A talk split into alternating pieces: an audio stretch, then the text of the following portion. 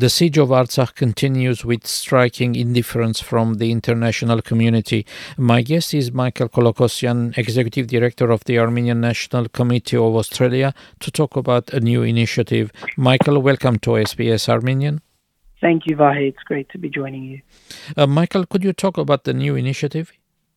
Yeah, of course. So, the Armenian National Committee of Australia has launched a parliamentary petition, rightly to call on the Australian government to condemn Azerbaijan's blockade of Artsakh.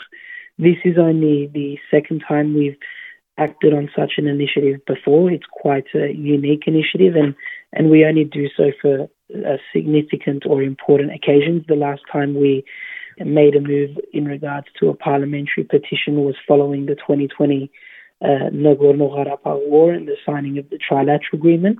Your listeners might recall that at the time that uh, that petition reached 3,000 signatories or just over, and it was called the Recognize Artsakh petition.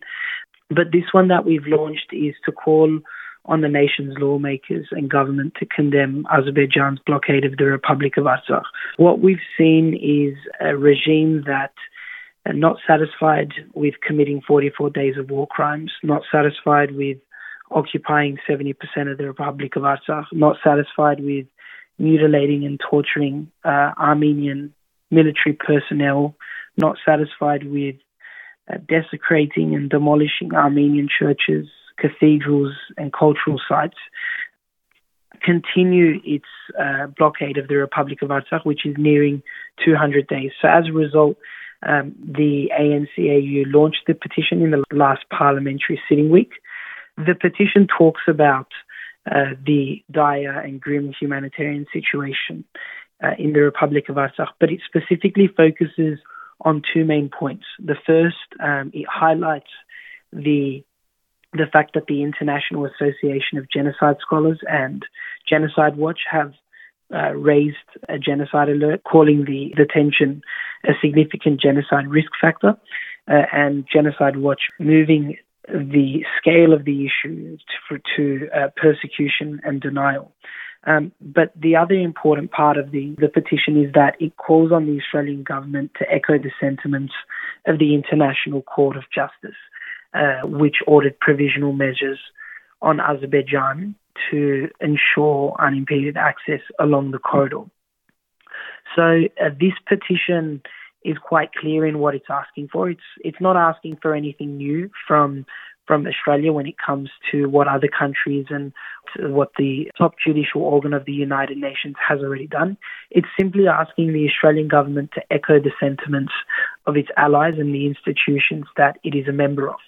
Uh, the petition was established that following the approval of the Australian Parliament House's uh, Standing Committee on Petitions. So it's now officially been adopted by the Parliament uh, and it's open for signatories. So members of the community can now uh, go onto the website and, and sign the petition calling for Australia to stand with the International Court of Justice.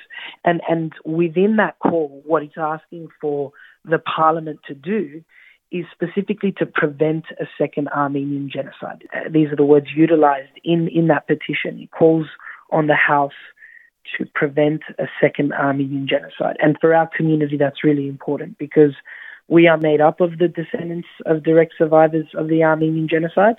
Um, and what we are witnessing in the Republic of Artsakh uh, that our compatriots are facing is the ethnic cleansing of our community there. So on behalf of the Armenian National Committee of Australia Office and Board, we're calling on our community and, and our allies, our non-Armenian community members and friends to stand with us and sign this petition to help usher Australia to ensure the support and safety for the Republic of Artsakh. Michael, how can our listeners go and sign the petition? What are the steps and which is the address they have to go and uh, start the process? Well, the so your listeners can can jump onto the Armenian National Committee of Australia Facebook page or website, and there there is a, a press release and information in regards to the link to the petition. Now, there's four simple steps that people need to undertake in order to sign the petition. It's a little bit different from a normal petition because they have to go through a verification process. So those four steps are firstly, you know, anyone who's found the petition link on on our Facebook, Instagram, social media, website, uh, just need to click the petition and enter their details. The details it asks for is your first name, your last name, and your email. And it also asks you to verify your email. Once you do that, you you click become a signatory. Uh, and what it does is it sends you an automated email to your personal email that you have utilized in the petition. So automatically after doing that, you need to log into your email if it's not already logged into on your phone. Uh, and you need to click the link that says petition sign confirmation. Once you click that, you have then confirmed that you are a signatory of this petition. You can then share it and ask your friends to sign as well. Because it is a parliamentary petition, there is that extra step. There's that process of verification, which the parliament utilizes in order to, I guess, demonstrate that willingness of people going that extra step to bring this to the floor of Parliament. So that all, all that information can be found on our social medias and our website. Uh, the petition is probably in, in every post that we have recently done. Um, if anyone has any any concerns on on how to fill out the petition or they would like some information on that, they can call the Armenian National Committee office on 02 9419 8264 and the Office Administrative Assistants will directly help them in signing the petition. They can also email us at admin at anc.org.au.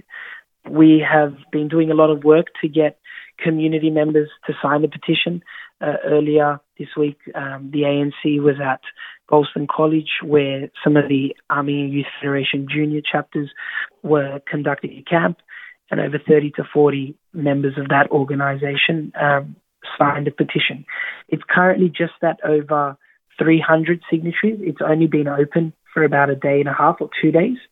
But community members have until the 20th of July to sign, to, to undertake those four steps and to become a signatory of this petition and call on the Australian government to do so uh, to condemn Azerbaijan's blockade of Artsakh. So we only have 25 or roughly 25 to 24 days to get our community to sign this petition. So it's really important that everyone checks out the ANC website, undertakes those four steps, and, and helps support Artsakh.